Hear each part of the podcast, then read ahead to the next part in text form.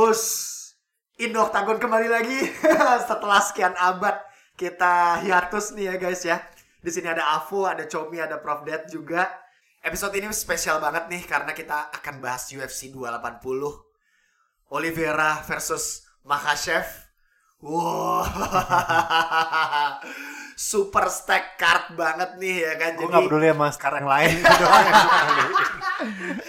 Tapi nggak apa-apa ya kan buat, buat Octagoners nih Iya, iya. kita sebutin dulu aja ya nih ya kan partai-partai yang bakal dipertandingkan ya kan.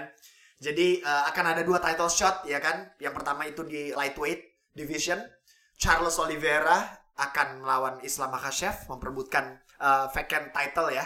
Lalu di bantamweight ada Aljo ya kan. Ada Aljamain Sterling yang akan melawan TJ Dillashaw untuk memperebutkan eh, sabuk bantamweight nih. Nah, partai-partai yang lain juga wah brutal banget sih ini super stack kuadrat istilahnya gitu. ada Peter Yan lawan Sean O'Malley ya kan.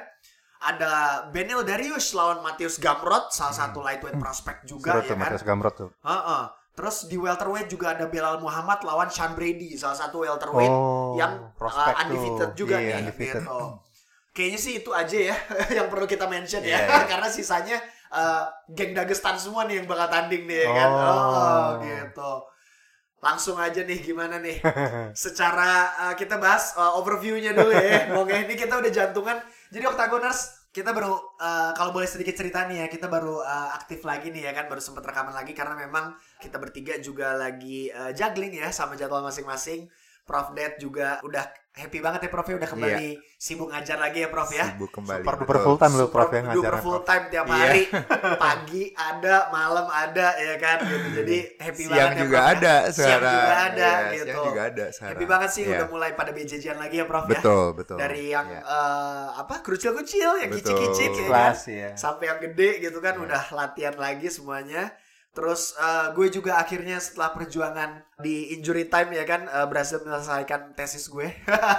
Jadi udah udah kelar nih sekarang jadi udah bisa gaspol nih ya kan. Terus Comi juga kemarin juga ya lagi jalanin S3 ya Mong ya. Hmm. Comi lagi ngambil S3 lagi Tahun nih. kedua. Eh, tahun udah mau memasuki tahun kedua gitu. Jadi memang baru kali ini nih kita sempat ngumpul bareng lagi gitu kan dan sekalinya ngumpul eh, event yang mau dibahas nih. Yang ini lagi. lawan puluh lagi yang ini lagi yang udah bikin kita jantungan sejak lama nih gitu. Karena tadi sebelum dari mulai rekaman aja sampai sekarang kayak antara kita udah mau gumoh ya kan? Tapi kayak deg-degan juga gitu. Iya, iya. langsung aja nih gimana nih? Ini kalau Octagoners bisa ngeliat mukanya cowok juga udah kayak yang Jadi aduh gitu. Hmm, mules mungkin juga teman-teman Otakoners juga udah tahu kalau kita itu fans beratnya Charles Oliveira ya. Eh, apalagi kan berapa beberapa fight terakhirnya dia itu kan ya maksudnya semua orang bersuka cita karena Yes. dia- ini kan Charles Oliveira kan adalah salah satu Cinderella story-nya di MMA juga ya betul kayak Jose Aldo, terus Betul. sempat Conor McGregor juga sebenarnya jatuhnya jadi uh, Cinderella story juga gitu. Terus Charles Oliveira juga sekarang lagi jaya-jayanya nih alhamdulillah kan. Dan gue udah sampai apal loh sama highlightnya highlight realnya Oliveira tuh udah Asli. semua KO-nya gue apal, semua submissionnya gue apal ya kan. Lawan siapa terus ini emang paling jadi akan jadi tantangan terbesarnya buat Olives ya. Meskipun Makachev sendiri kan dia masuk jalur title shot itu kan unik. Dia nggak lewat jalur ngelawan uh, Poirier, nggak ngelawan Chandler, nggak ngelawan Gaethje, yes ya kan. Bahkan nggak ngelawan Tony ya. Iya.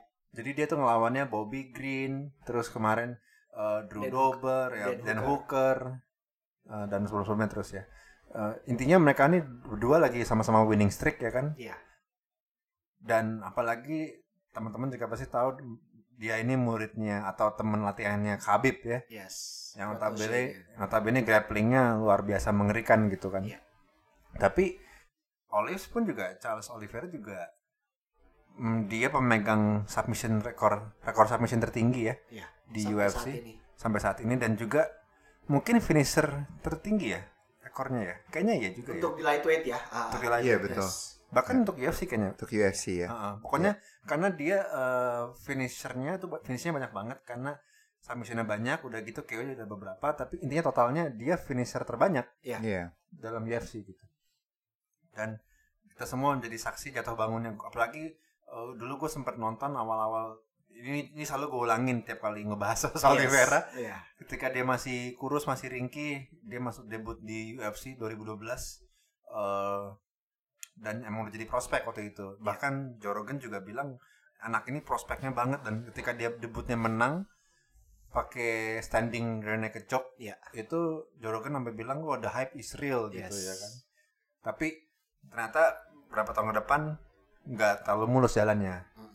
berapa kali kalah terus sempat miss weight juga di featherweight Iya. gitu. Ya.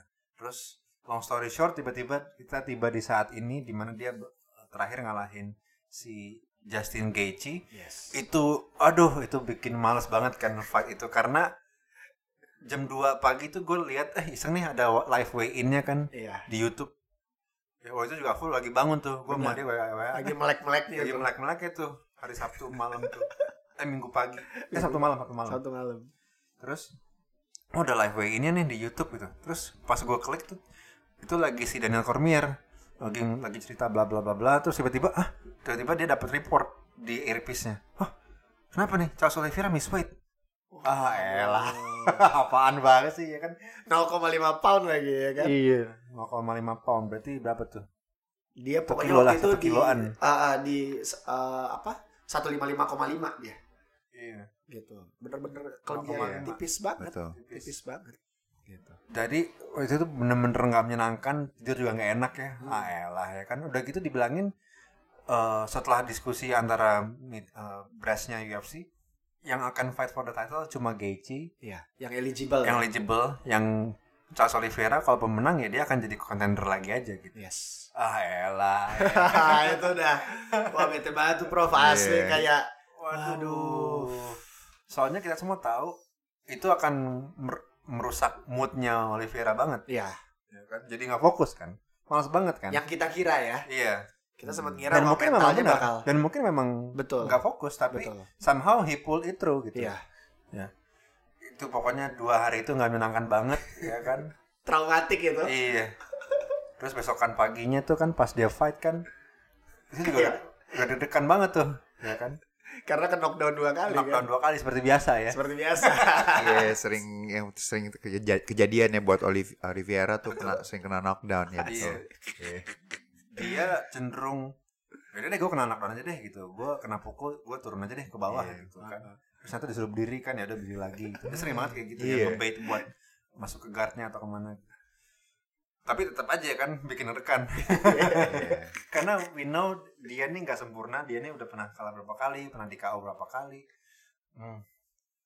Lalu pas ketika fight Ronde pertama ya Iya. Sama Gaethje ya Ronde pertama. ronde pertama tiba-tiba dapat straight yang sangat telak terus jatuh. uh, jatuh mau diambil back terus mau dapat dapat back udah gitu backnya nge high lagi bisa dapat uh, triangle cuma Reverse triangle. reverse triangle cuma tri- reverse triangle-nya itu sama dia di switch kakinya akhirnya si Gaethje bisa scramble terus si Oliveira itu um, langsung Ambil back. ambil back ya switch lagi transisi lagi scramble ambil back udah gitu sempet tangannya di di blok tuh sama Gaethje itu Yes. itu yang gue sempet bahas juga di kelas waktu gue BJJ kan.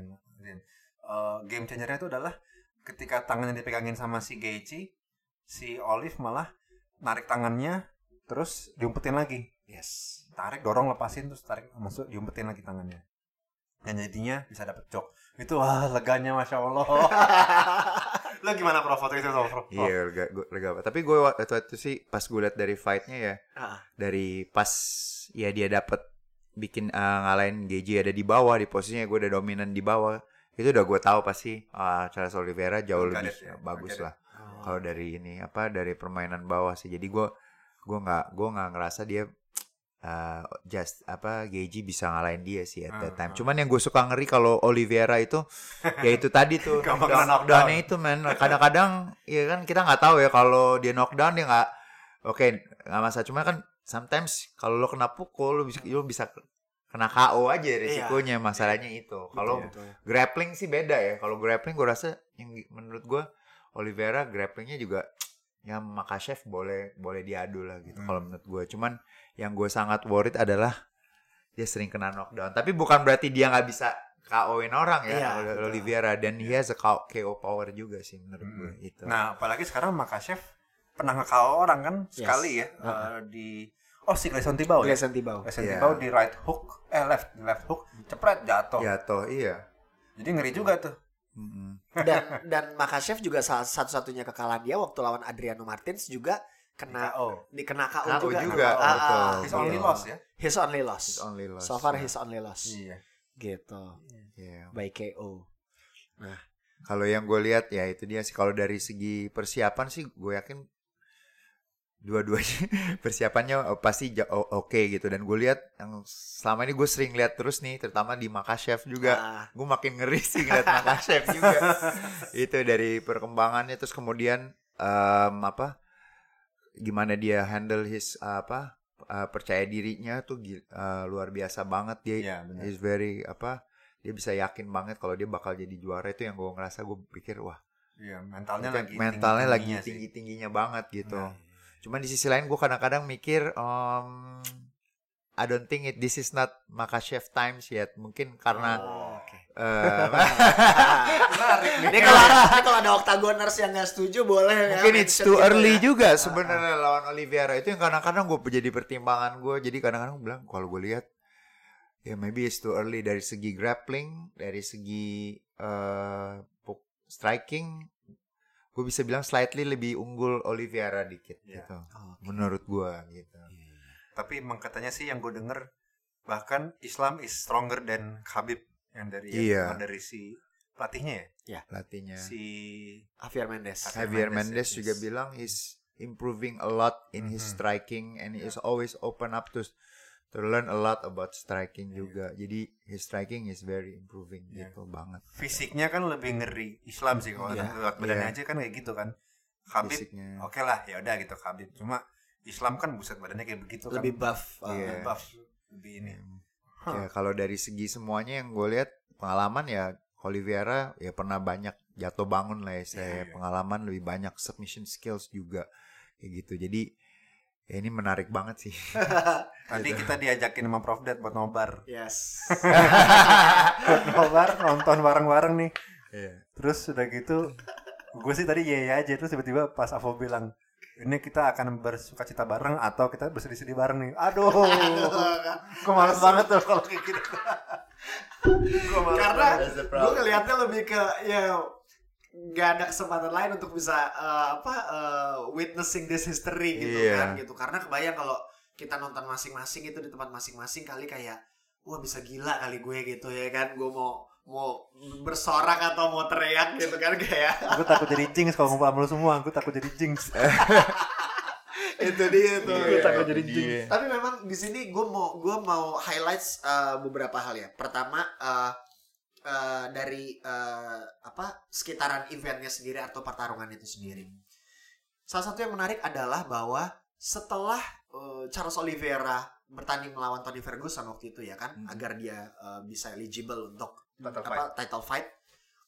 Tiga fight terakhirnya Charles Oliveira tuh bisa dibilang kondisinya selalu against all odds gitu ya kan. Ya. Dia tidak pernah menjadi favorit dia selalu Iya, berada di underdog. posisi underdog. Betul, gitu kan. betul. dan oke kalau misalnya memang hal itu terjadi satu du- satu kali dua kali oke mungkin ya bisa jadi istilahnya eh, kebetulan ya gitu. Tapi sejauh yang gue lihat ini udah udah tiga kali Ya sama termasuk yang ini juga dia Iya, underdog Yes. juga. Ya, juga. Underdog juga dia di empat uh, kali sama ya, ini ya gitu nah, Favoritnya adalah Makachev. Ah, gitu dan Iya. dan dan eh, oddsnya juga lumayan jauh tuh Jauh, Prof, gitu iya, betul. Eh, di eh, bursa fightingnya gitu ya kan Hmm, hmm, hmm. why is that ya gue tahu tadi gue mikir tuh kenapa ya gue tahu Ah. tapi karena emang dari penampilan si Charles Oliver tuh nggak nggak intimidating Oke. appearance wise dia nggak intimidating sama sekali kurus begitu kan ya sekarang sih udah lebih buff ya udah Iya. lebih ada ototnya cuma bukannya kan ya with all due respect kayak begitu Iya. ya nggak ada serem-seremnya kan Betul. beda kalau ngeliat Ma- Makachev kan orang mukanya serem banget ya Iya.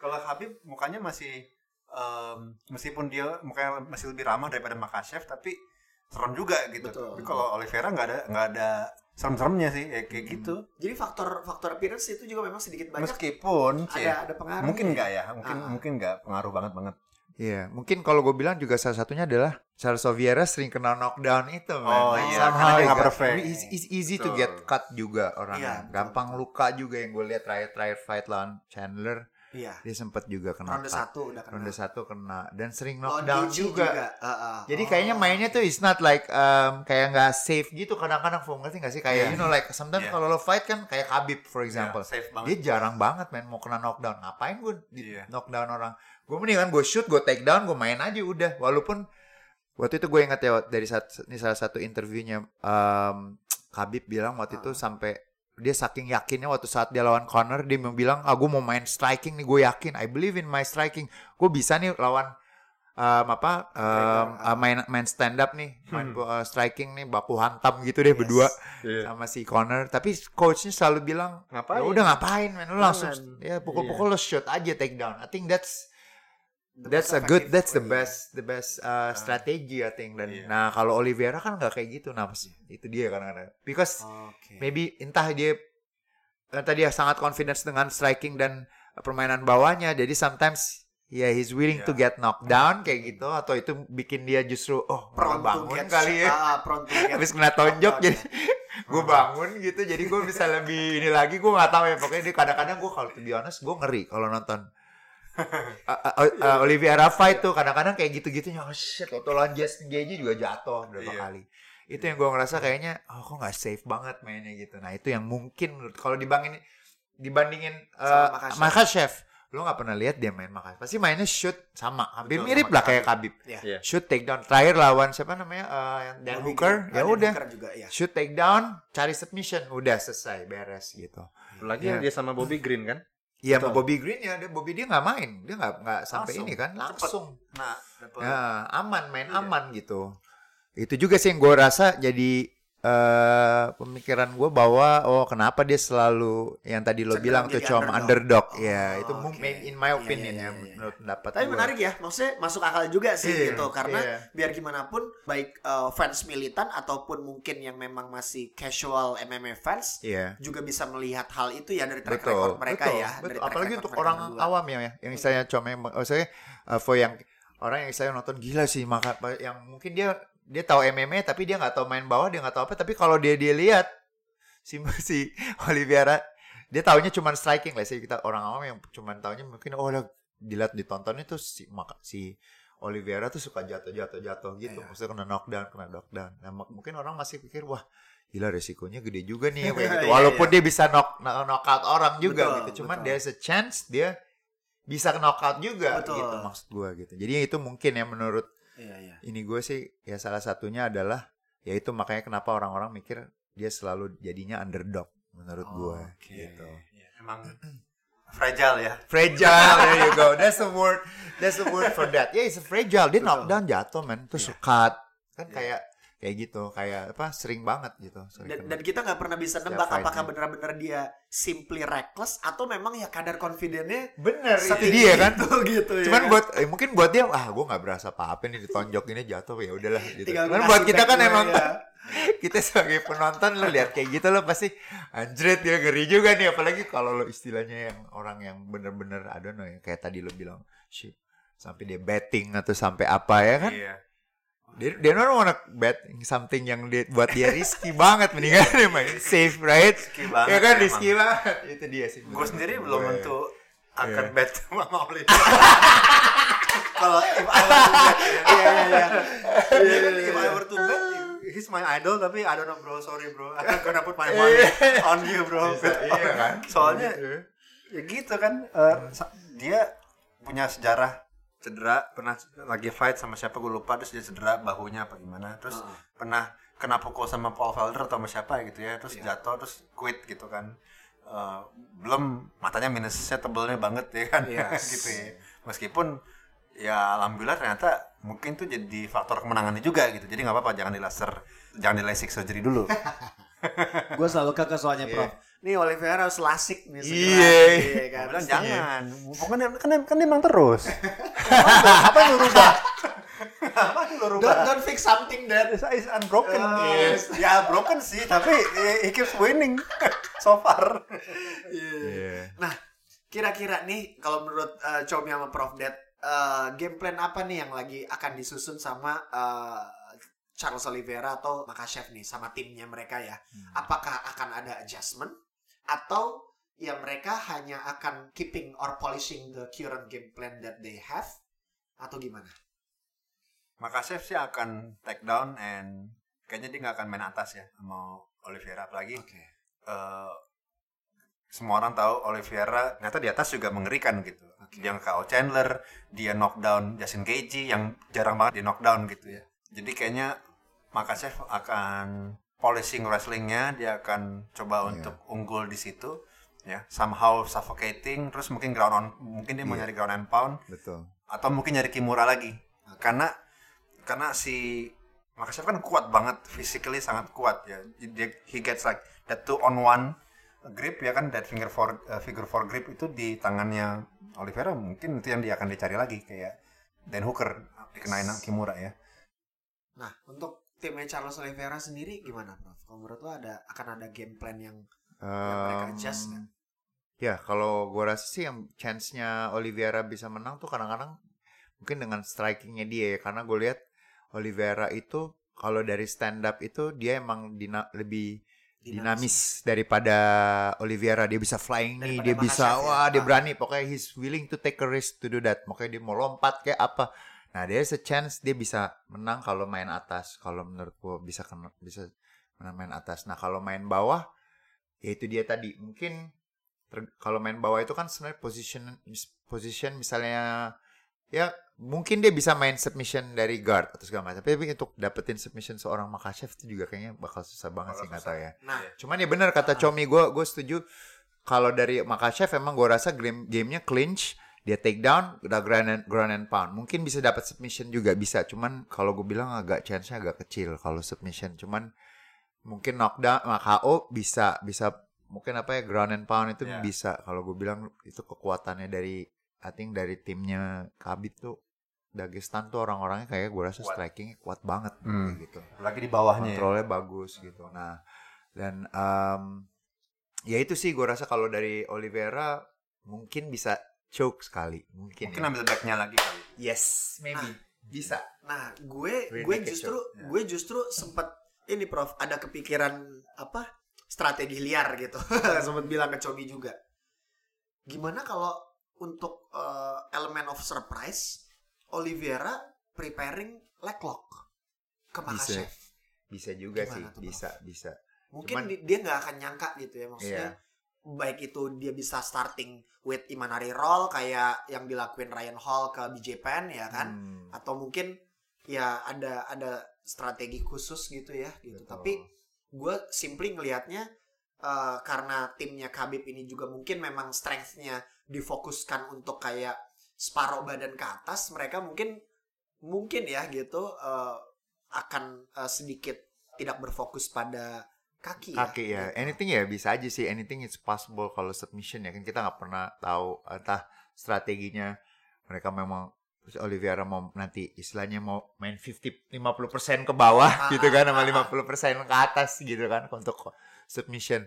Jadi ya bisa aja sih ke eh, ada ada chance ke sana. Cuman kalau dari lihat eh, resikonya atau segala macam ya tentunya kan kalau buat main kita mau ambil kaki itu kan there's a big chance you Kena get- you get knock knockout juga bisa kena Yeah. pukul lah maksudnya Hmm. there's a lot of striking happen Iya. but you never know kita nggak pernah tahu bisa aja bisa bisa jadi gitu buat ada Gitu. kartu turfnya atau mungkin secret weaponnya gitu ya. Iya. Meskipun secara statistik leg locknya si Charles Oliveira itu cuma sekali doang ya, apa Sekali cuma doang ya, si cuma calf slicer ya. doang itu ya. Cuma calf slicer doang dan itu pun juga eh he got it. Kayaknya nggak di prepare juga nggak belum nggak benar di prepare karena gue hasil lihat improvement aja itu. Iya, Ah, emang lagi impromptu aja gitu ibaratnya.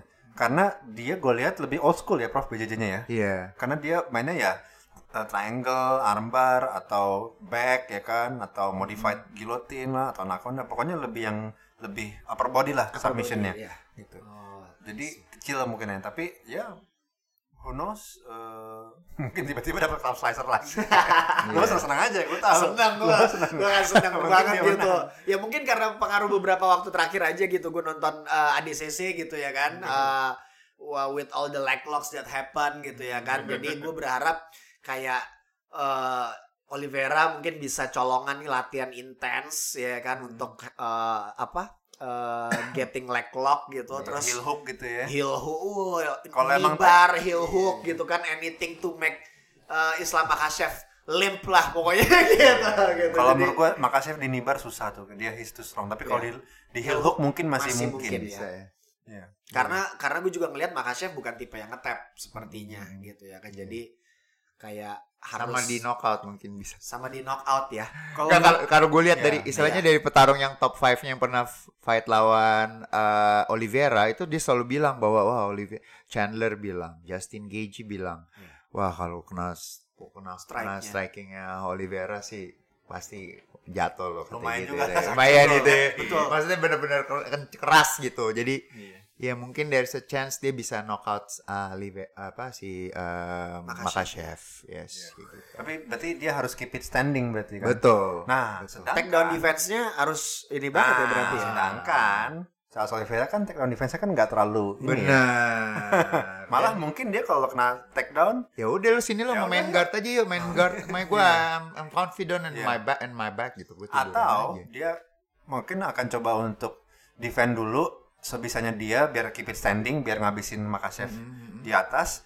tapi emang kalau ternyata dia nggak bisa defend ya udah baru main di bawah iya gitu. yang tentunya juga akan berpengaruh ke poin sih ya sebetulnya ya kalau Betul. Oliveira considering itu ya karena iya kita juga ngelihat track record Makhachev menang dengan decision sebetulnya banyak juga gitu. Banyak juga, Ah, iya, dia iya. baru finish memang di empat pertarungan terakhirnya dia pertarungan Prof gitu betul jadi betul eh, sedangkan kita juga sejauh ini t- memang eh, almost all people nggak membayangkan ini akan berakhir dengan decision five rounds gitu Betul, sih gitu. betul. pasti akan berakhir dengan iya iya, finish iya. nih gitu one way or another gitu. Ah, jadi eh ya eh ya Oliveira mungkin dari timnya juga tetap harus consider kali ya bahwa ya lu jangan sampai kalah skor juga bro gitu. Betul betul. Ya gue setuju sama yang lo bilang ya. jangan Apa? kena cut. Karena di UFC sendiri lo sering kena takedown Eh, maksudnya lo kena take ya lo kena clinch lo kena takedown itu udah pasti walaupun lo dominan misalnya di bawah itu there's always eh, poinnya pasti lebih tinggi kalau dilihat lo ya? kalau sering lo kena takedown lo pasti Oh. poinnya lebih lebih tinggi UFC juga lihat kayak gitu-gitu ya dari dari oh. aturannya kayak gitu. Mm-mm. jadi it's not good bener kata lo kalau sering kena takedown. Maksudnya lo udah kena takedown walaupun lo confident sebenarnya main di bawah lo groundnya bagus. Cuman it's jadi kalau nggak bisa submit atau apa apa ya udah pasti menang yang itu bener kata lo. Ada kemungkinan gak sih Charles Oliveira yang initiate takedown? Hmm, kalau menurut gue kayak waktu prediksi gue ke Poirier. Jadi waktu itu kan gue bilang scramble-nya Oliveira kan bagus ya. Karena he's fast and agile. Belum scramble-nya si Oliveira ketika ke Gaethje kan langsung dapat back gitu ya. Jadi mungkin dia akan uh, feint takedown tapi scramble ambil back lagi kayak waktu ke Poirier terus climb ke situ ya kan ambil backnya. Atau uh, tapi kayaknya kalau dia yang initiate takedown buat bener taking down kayaknya Bener, kecil ya. Kecil ya. The guy is too strong. Iya. and his guy the guy is too big kalau menurut gua to to keep down to be pinned gitu ya. Iya. Man. That's true. Nah bener sih sebenarnya kalau menurut gua yang orang-orang agak sebel nih dan gue sendiri juga agak sebel itu adalah jalurnya si Makachev kan. Jalurnya eh, kenapa sih ini orang gak lewatin Gaethje dulu atau Poirier dulu atau Chandler dulu gitu kan. Kok eh, fight terakhirnya lawan eh, Bobby Green terus sebelumnya sama Dan Hooker. Dan Hooker ya udahlah. Tapi ternyata kok lama Bobby Green kok langsung dapet title shot gitu. Kenapa nggak eh, ya Poirier dulu kan sekali atau Gaethje sekali gitu. Cuma emang menurut gua ini treatment yang sangat luar biasa sih dari Dana White Iya. eh, ke timnya Khabib ya. Yes. Apa ya kayak privilege-nya buat privilege. buat Khabib, buat Yes. Khabib's team gitu. You're one you're once a champion terus uh, you bring lots of money and also bring new market betul ya. betul Bring new market to to the viewers ya kan ibaratnya to more viewers. Jadi ya udah deh nih gue kasih deh nih title shot. Aduh. Nah, iya. yang yang gue dengar dari semua wawancaranya Khabib juga istilahnya put kasih pressure juga maksudnya dia bilang eh eh dia lo si Charles Oliveira nih uh, 11 winning streak nih si Islam Makhachev juga 10 winning iya. streak jadi udah cocok loh man. jadi ada pressure kayak gitu terus gitu Terus- Ada- terus plus ya. lagi emang t- kalau gue bilang bener kata Comi special treatment juga sih dari dari uh, Dana Dana White juga untuk itu ya. Dan gue melihatnya juga kayak tadi yang Prof Dad sempat bilang kan bahwa memang eh, ya wajar banget kalau memang kita merasa bahwa ya mungkin ini slightly memang belum time-nya maka chef gitu ya kan. Hmm. Mungkin dia bisa jadi Iya. jadi juara gitu. Iya. Tapi memang hal tersebut juga yang mungkin orang-orang lain juga jarang ngelihat ya Prof. ya. Dalam arti gini, gue ngelihatnya lebih ke gini. Oke, sekarang orang kayak lagi hyping hyping up banget nih maka chef gitu sebagai salah satu lightweight yang terbaik gitu ya. Tapi yang mereka sering kali lupa adalah bahwa tiap fighter pun ada masanya gitu. Iya. Dan nanti akan tiba juga masanya maka chef untuk being dethroned gitu with Betul. new fighters Betul. gitu baik itu Iya. karena faktor usia Iya. atau mungkin karena faktor uh, performance gitu kan apalagi di divisi lightweight sendiri kita ngelihat ada Rafael Fiziev, Iya. ada Mateus Gamrot, Iya. ya kan gitu. Bahkan uh, untuk yang belum masuk bahkan ke 15 besar, Paddy Pimblett sudah memiliki popularitas yang Luar biasa, sangat ya. luar biasa banget gitu. Jadi kayak uh, ya mungkin karena memang tadi special privilege-nya itu ya special treatment-nya itu jadi seolah-olah uh, Makachev ini adalah salah satu fighter lightweight yang paling prominent padahal kalau kita ngelihat secara keseluruhan mappingnya lightweight division is very stacked Stacked, gitu. iya, iya. Apalagi kalau kita Arman Shahrukh kan juga Arman Shah- oh, itu muda loh itu itu gila banget gila itu banget. itu gila banget dan kalau ki- Itu. kalaupun misalnya memang di specified di di uh, grappling uh, skill sendiri gitu ya kan Islam belum melewati Rafael dos Anjos dan Betul. Benil Darius Benar. Gitu. Betul. itu sih gitu jadi gue tidak mengecilkan Hmm. istilahnya tapi yang Iya. bener bener yang dibilang sama uh, Jomi tadi bahwa sometimes to earn dalam tanda kutip a Hmm. title shot ya you have to be able to at least defeat the the top 10 or top 5 lah Iya, gitu betul. jadi gue ngerasanya kayak anak pejabat yang pengen sekolah di sekolah favorit prof. Gitu. Jadi Ntar kualat tuh Ah, kalah ah, tinggal ngerengek doang ya kan? Terus udah dikasih gitu. Ntar kualat lu kalah Oliveira lu. sementara Oliveira ini kan anak negeri banget ya Iya. gitu. Anak negeri anak beasiswa anak beasiswa gitu. Aduh, kayak gitu iya. sih. Tapi eh yeah, with all the things that uh, happen gitu kan gue sih berharap mudah-mudahan gak ada drama ya Ada drama ya. we cannot afford any more drama nih tapi Mudah-mudahan gak cancel aja fightnya. Bukan cancel ada yang cedera atau something not going Iya, out. iya. Because udah disiapin juga loh penggantinya ya. Iya kan? sih Nah. itu kan. ini juga nih And Volkanovski. namanya? Volkanovski sama Volkanovski. Benil Darius juga Iya. loh katanya. Iya. dua-duanya claiming ya kan bahwa Claiming. mereka adalah backup gitu Backup, kan yes. backup untuk ke- ke- ketika salah satu kandidat eh, nggak bisa gitu Betul. tapi kalau eh, nggak tahu nih kita juga tetap nggak boleh lupa gitu pada case yang sebelumnya ya di UFC 274 ketika Oliveira ngelawan Gaethje terjadi Hmm. eh, eh, miss weight gitu ya kan? Iya gimana rasa sih, gua rasa sih eh, Oliveira nggak akan miss weight lagi sih. Itu hmm, ada yang bilang itu di rig ya itunya apa namanya weightnya Eh, atau ada yang bilang gara-gara Tony Ferguson lompat-lompat. Lompat-lompat. Jadi di jadi timbangannya. rusak. Iya jadi rusak gitu. Malah ada yang bilang eh, di komentarnya oh jadi karena dia kelebihan setengah pound lo kira dia akan jadi dia akan jadi Captain Amerika gitu. Bener bener bener padahal kan enggak harusnya tetap aja gitu. Emang strict banget sih waktu itu yang yang megang weightnya tuh masih muda soalnya jadi strict banget gitu. Oh Heeh. tapi gue rasa sih nggak akan miss weight sih kalau Oliveira saat ini dia udah lebih prepare dia nggak mau Iya. jadian lagi dia dia pengen to get the title back ya. Iya. tapi regardless menurut gua bisa sampai sini aja Oliveira tuh udah luar biasa sih. Dari yang fighter yang jatuh bangun. Cedera kalah mulu ibarat dipermalukan ini situ ya kan? Kalah habis gitu kan. Sama Cerrone sama Paul Felder sama Clay Guida sama Jim Miller. Eh, udah sering kalah ibaratnya. Tapi dia habis akhirnya bisa juara terus ngalahin orang-orang top 5 Gaethje, Poirier, Chandler tuh menurut gua udah luar biasa sih. Ini menurut gua kalau dia ngelawan Makachev terus menang ini icing on the cake ibaratnya. Apa ya ibarat cari on top lah pokoknya bener-bener the the best gift ya tapi hmm, even if he loses I don't blame him sih kalau menurut gua uh, Nah. dia udah overcoming banget Nah, eh mungkin pertanyaan ini sifatnya sedikit forecasting ya. This is gonna be the last questions ya.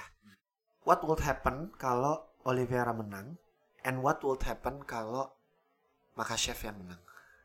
Prof. Prof lihat dulu deh.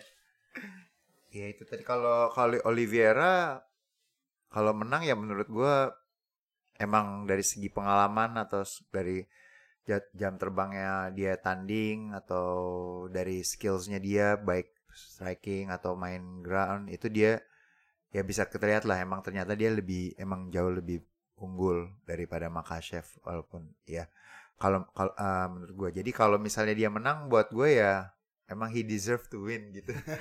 Cuman kalau Islam gue ngerasa kayak I don't know di bawah dia I think there's there's someone yang bis, masih bisa ngalahin dia sih gitu atau maybe he's too early juga to fight Oliveira in my opinion Ya karena itu dia jalurnya kan belum ketemu Poirier, Gaethje, Iya. Chandler itu jadinya kita masih kayak eh, kita mikir juga kayaknya kan dia belum kan dia belum melawan orang-orang ini gitu. Jadi kita masih ngerasa Gaethje, Olive, eh, Poirier atau Chandler ada chance buat ngalahin Makachev Betul. sebenarnya. But kalau Makachev menang ya wah ini ibaratnya dunia Skena MMA. konteks apa ya kalau menurut gue viewersnya akan nambah banyak banget sih apalagi ingat nama dia Islam orang Muslim seluruh dunia pasti akan na- nambah Yes. nonton UFC gitu Iya. jadi for viewership itu the best Akan scenario sih. banget uh, buat buat UFC uh, as a company ya gitu tapi kalau Oliveira menang ya emang berarti the champ has a name and it hasn't been erased or it hasn't been changed gitu and the name and the name is Charles Oliveira Wah, pengen banget ngomong gitu apa? Aduh. Oh ya, sebelum prediksi ya, sebelum prediksi, gue masih pengen follow up uh, yang tadi karena gue penasaran. Kalau Charles Oliveira menang, dia bakal call out siapa? Kalau Islam Makhachev menang, dia bakal call out siapa? Hmm, kayaknya ini sempat dibahas juga sebelumnya sama Oliveira ya. Mungkin dia akan calling the money fight yaitu McGregor sih. Again. Buat ya buat dapet duit. Mungkin buat charity ke favelanya mungkin ya karena dia kan memang orangnya kan lumayan charitable ya orangnya. Jadi mungkin akan call out. Soalnya dia udah clean up the division. At least the- the- clean up the division. At least the top 5 ya. top 5 ya. Dan Iya. mungkin oh yang belum Benel Darius ya. Darius belum ya. Darius, Gamrot, dan Arman. Gamrot ya. Tapi Gamrot sama Arman jatuhnya baru, Yes. baru masuk Iya, ya baru kan? masuk Ya kan. Nah, eh, sedangkan eh, yang belum di clean up ya baru si Darius doang umur gua. Eh, jadi mungkin akan call out money fight-nya yaitu McGregor. Kalau Makachev mungkin hmm, kalau menurut gua dia nggak perlu call out siapa-siapa sih kalau dia menang. Dia tinggal nunggu bisa kasih siapa gitu. Ya. eh, tapi kalau if I have to guess siapa yang dia mau fight ya? Kayaknya nggak ada ya yang someone that he has in mind ya. Nggak. Nggak ada ya. Terakhir drama uh, pertarungan yang memang gak jadi itu kan uh, waktu dia lawan RDA. Oh, RDA mungkin. Nah, gitu. Tapi RDA masih jauh di ini Betul, rankingnya. apalagi setelah dia terakhir kali sama- di KO sama Rafael Fiziev kan. di Iya, KO dia terakhir ah, ah. Iya. Jadi kayaknya Oh dia belum deserve title Iya, shotnya juga tuh. Gitu. Lagian RDA juga udah legend sih, maksudnya udah nggak perlu nothing to prove juga lah. Iya. Jadi kayaknya nggak akan, menurut gue ya nggak akan kalau siapa pun. Atau mungkin McGregor lagi dipanggil. si Makachev lagi yang ya. ngapain, tapi aneh sih nggak. Kalau menurut gue nggak, kalau menurut gue Makachev nggak akan manggil McGregor. Jadi dia akan nunggu siapa pun dikasihnya itu. Ya karena buat buat gue emang kalau misalnya Ma- Makachev juara, berarti emang dia harus eh, istilahnya defend. defend dengan yang tadi eh, tadi Comi bilang nih yang top 5-nya dulu nih kayak Chandler, Justin Gaethje, he has to prove that, Yes. prove that juga dia harus membuktikan itu dulu kalau gue bilang. Jadi emang dia emang harus istilahnya dia mempertahankan sabuknya dengan ya, ya. emang dia emang benar di, di dia emang benar sebagai juara eh, juara di kelas lightweight itu. Dan kalau Oliveira yang menang. Oliveira yang menang. I don't know. Kan maybe, ya mu- may- mu- bisa juga uh, Conor McGregor karena dari awal juga sebenarnya mereka uh, Oliveira sebenarnya mau fightnya Conor McGregor kan. Iya. Emang Cuman benar uh, kata Comi untuk money fightnya itu juga. Tapi gue sih berharap sih kalau emang dia bisa call out Khabib Khabib. sih. Wah, Soalnya Gila, eh, gila, gila. oh, itu lebih because Khabib itu fight benar-benar Iya. angang- apa uh, bangga banget sama uh, Makashev. He's- Dia yakin banget this is Iya, the iya. next. Ya, dia yang Nah. bisa menggantikan Khabib. Jadi dia sak, sak- dia wah kalau gue nontonnya ininya interviewnya maksudnya um, Khabib tuh yakin banget this Islam it's uh, it's gonna be the next champion dia nggak bakalan wah pokoknya semuanya lah everything is, dia bener dia well rounded apa dia improve segala macem he only have a- one mistake aja waktu itu sekarang dia lebih siap segala macem jadi ya itu dia dia dia saking Akan lebih seru sih, Prof. akan lebih seru Waduh. kalau emang ternyata Khabib comeback hanya Iya. buat lawan Oliveira wah Iya, buat balasin dendamnya tuh. kalahnya si Makachev ya. betul Itu akan jadi drama yang sangat luar biasa keren sih, mahal dan Iya. maksudnya apa ya the, the story built around um, The preparation. feud ya Ah. Heeh. intinya itu bagus banget sih buat ngejual drama itu buat penonton sih itu the best tuh Dan apalagi dan Connor akan FOMO ya. Enggak gue bicara call out aja ya, bukan berarti Khabibnya akan main karena Iya. kalau gue Khabib nggak akan main. Cuman bilang aja abis menang gitu, eh, gue bilang, eh, ini sistem yang gue mau lawan Khabib. Ah, that's it. Walaupun itu udah Khabib jadi Iya. apa enggak, teman it's already enough gitu. Gue bilang, kalau Khabib yang nggak main lagi ya it's okay because karena kalau gue lihat lagi dari interview yang ada dia emang kayaknya udah nggak mau main. Even dia ditawarin fight 100 juta dolar lawan Floyd Mayweather dia tolak gitu. Maksud gue dia nggak emang he already left his legacy lah katanya di di lightweight. Udah dia udah Tapi 29-0. mungkin kalau emang Oliveira menang sebenarnya wah ibaratnya temen gue dikalahin nih Ih. gue mau gue mesti balas dendam nih kan Eh, itu lebih asik sih. iya. I wish, eh, gue berharap itu kejadian. asik. itu udah terus ntar ketemu lagi kan Oliveira lawan Khabib wah itu bakalan gila sih Gila, man. akankah ada orang yang bisa ibaratnya ngalahin Khabib soalnya kan belum ada dia kan jadi masih mitos nih Iya. Iya.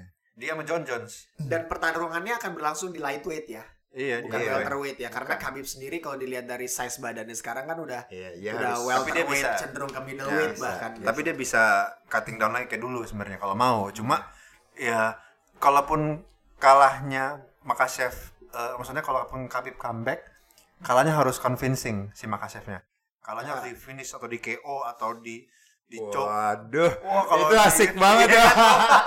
Berarti, nih lihat deh anak buah lu. Aduh, gila. aduh. Which Right. bring us to the last questions. Gimana prediksinya nih?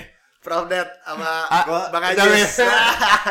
gua akan coba em, apa ya belain Makachev dulu nih karena gua tahu semua Oliveira kan if I were to bet on Makachev meskipun gue sebenarnya agak mau tapi gua mungkin akan ini juga akan jadi topik diskusi yang menarik sebenarnya. Apa apakah Makachev akan do a long fight ya? Akan uh, fight yang panjang atau dia mau finish cepet? Tapi kalau menurut gue kayaknya mungkin akan dibawa lama nih fightnya. Ke mungkin di ronde ronde kelima kali. Ronde kelima. Decision kayaknya sih jadi kayaknya akan lama sih meskipun gue juga nggak yakin nih gimana ya soalnya makasih lagi kuat-kuatnya banget nih dia kemarin nge-finish terus ya. Dan Makashev belum pernah uh, uh, main event. championship belum, belum championship round belum pernah ya Championship round belum. oh main event round Eh, juga belum pernah ya? Bukannya pernah ya lawan yang orang Brazil siapa gue lupa di main event. Oh, I think he fight main event before lawan orang the Brazilian guy namanya Vicente lupa. Itu bukan No no no no. Oh, bukan. Bukan. Ada lagi yang terakhir-terakhir. I forgot his name siapa ya. oh, record. I think dia dia menang juga lawan Oh, Thiago Moises. Yes, dia Oh. dia menang di Moises ronde keempat. Submission kalau nggak salah. choke. Tuh, makanya itu dia tuh Tom. Iya, Maksudnya gue bilang dia pernah main. Jadi Di- conditioning gue rasa Ah, ah. Tapi memang dia eh, apa? eh, ya dia sering bermainnya tuh di di ronde 2 dan 3 iya selesainya ya selesainya gitu. biasanya. Bah, bahkan mungkin kayaknya Oliveira yang jarang-jarang ke championship round ya. Eh, iya. Oh iya betul. Ya, kayaknya Jadi- jarang. Karena kan finish cepet kan. Either finish cepet atau finish di ronde 3 atau 2 ya kan. Iya. Ronde tiga iya benar.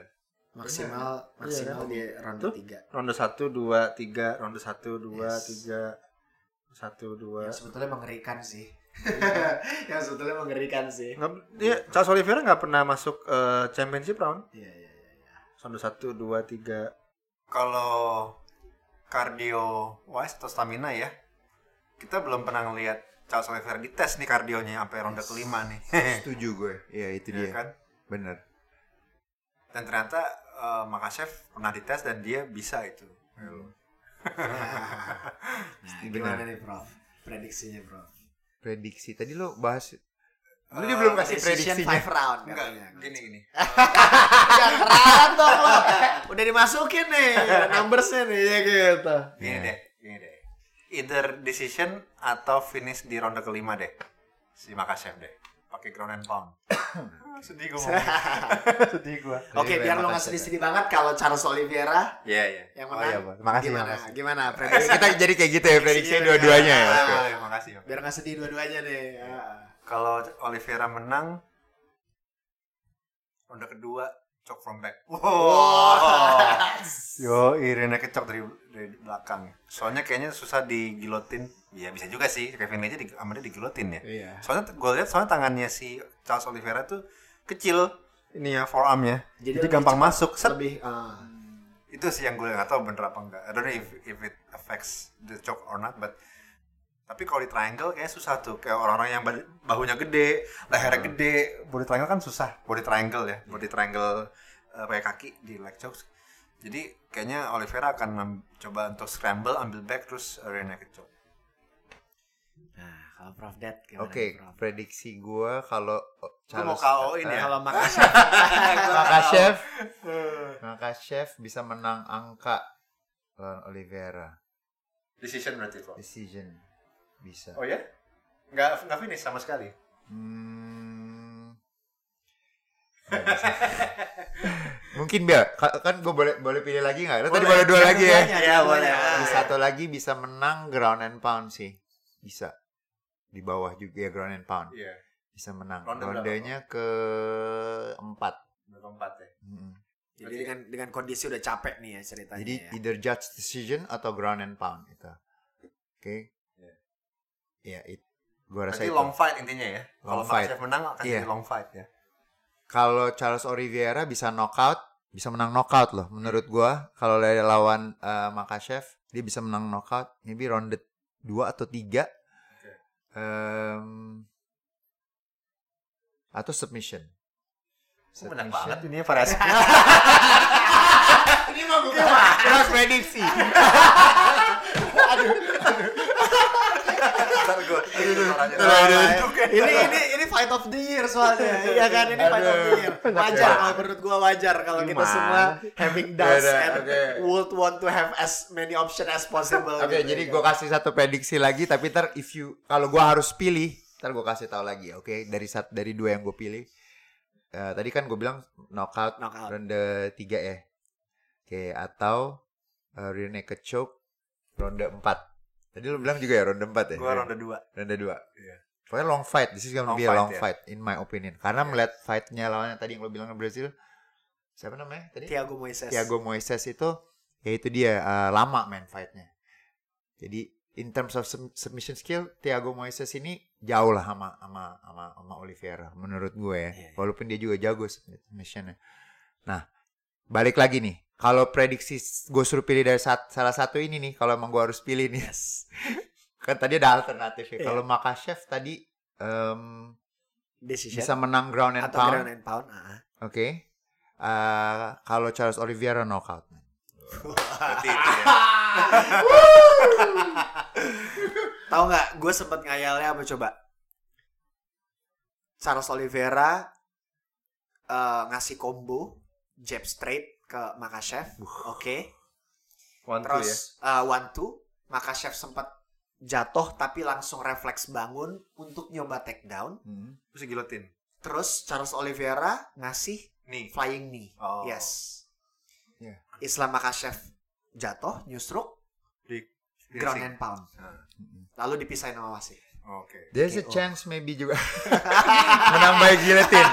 Lagi ini set. ini hayalan hayalan hayalan gue spesifik nggak kan Bang, kalau kalau submission boleh pilih dong. Maksudnya boleh siap. boleh kan kita boleh tahu senjatanya kira-kira oke kalau submission benar kata Comi kalau misalnya dia mau coba take down udah pasti sering kejadian Ada Guillotine. guillotine Ya. ya kan. Kalau situ mau masuk dan ya coba coba guillotine.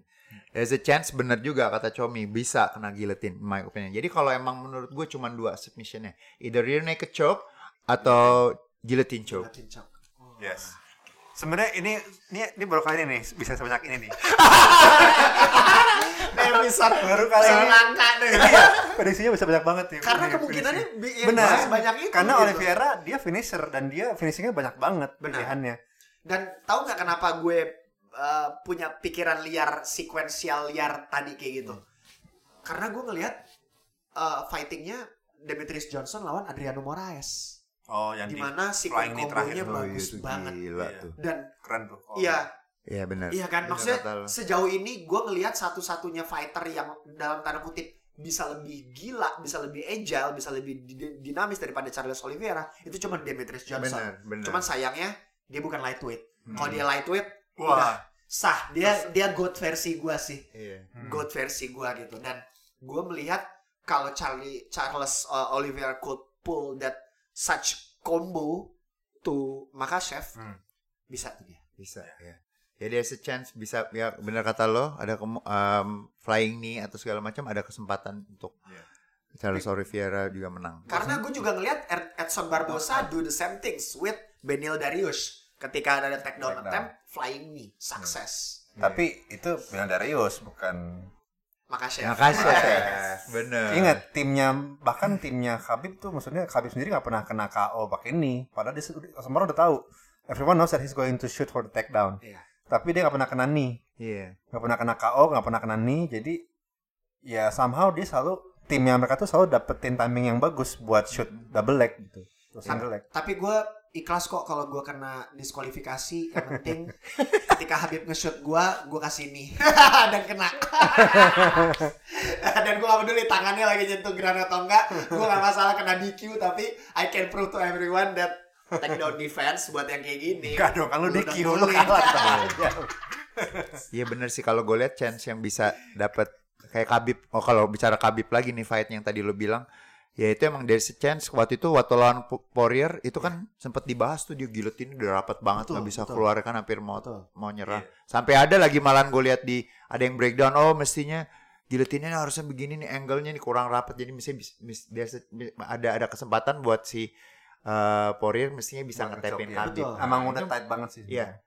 Lo bayangin kalau sekarang seorang Islam Makachev nanti bakal lawan dan kejadian kayak gitu lagi yang ngecok adalah Charles Oliveira gitu. Wah, kenal. Wah, Iya, dari iya, pengalaman ada. Benar. Itu dia. Betul, betul, betul, benar, benar, benar. Emang banyak banget sih peluangnya. Apalagi kan si Oliveira kan he loves his guillotine so much. Yes. He can do it in with different varieties ya. Yes.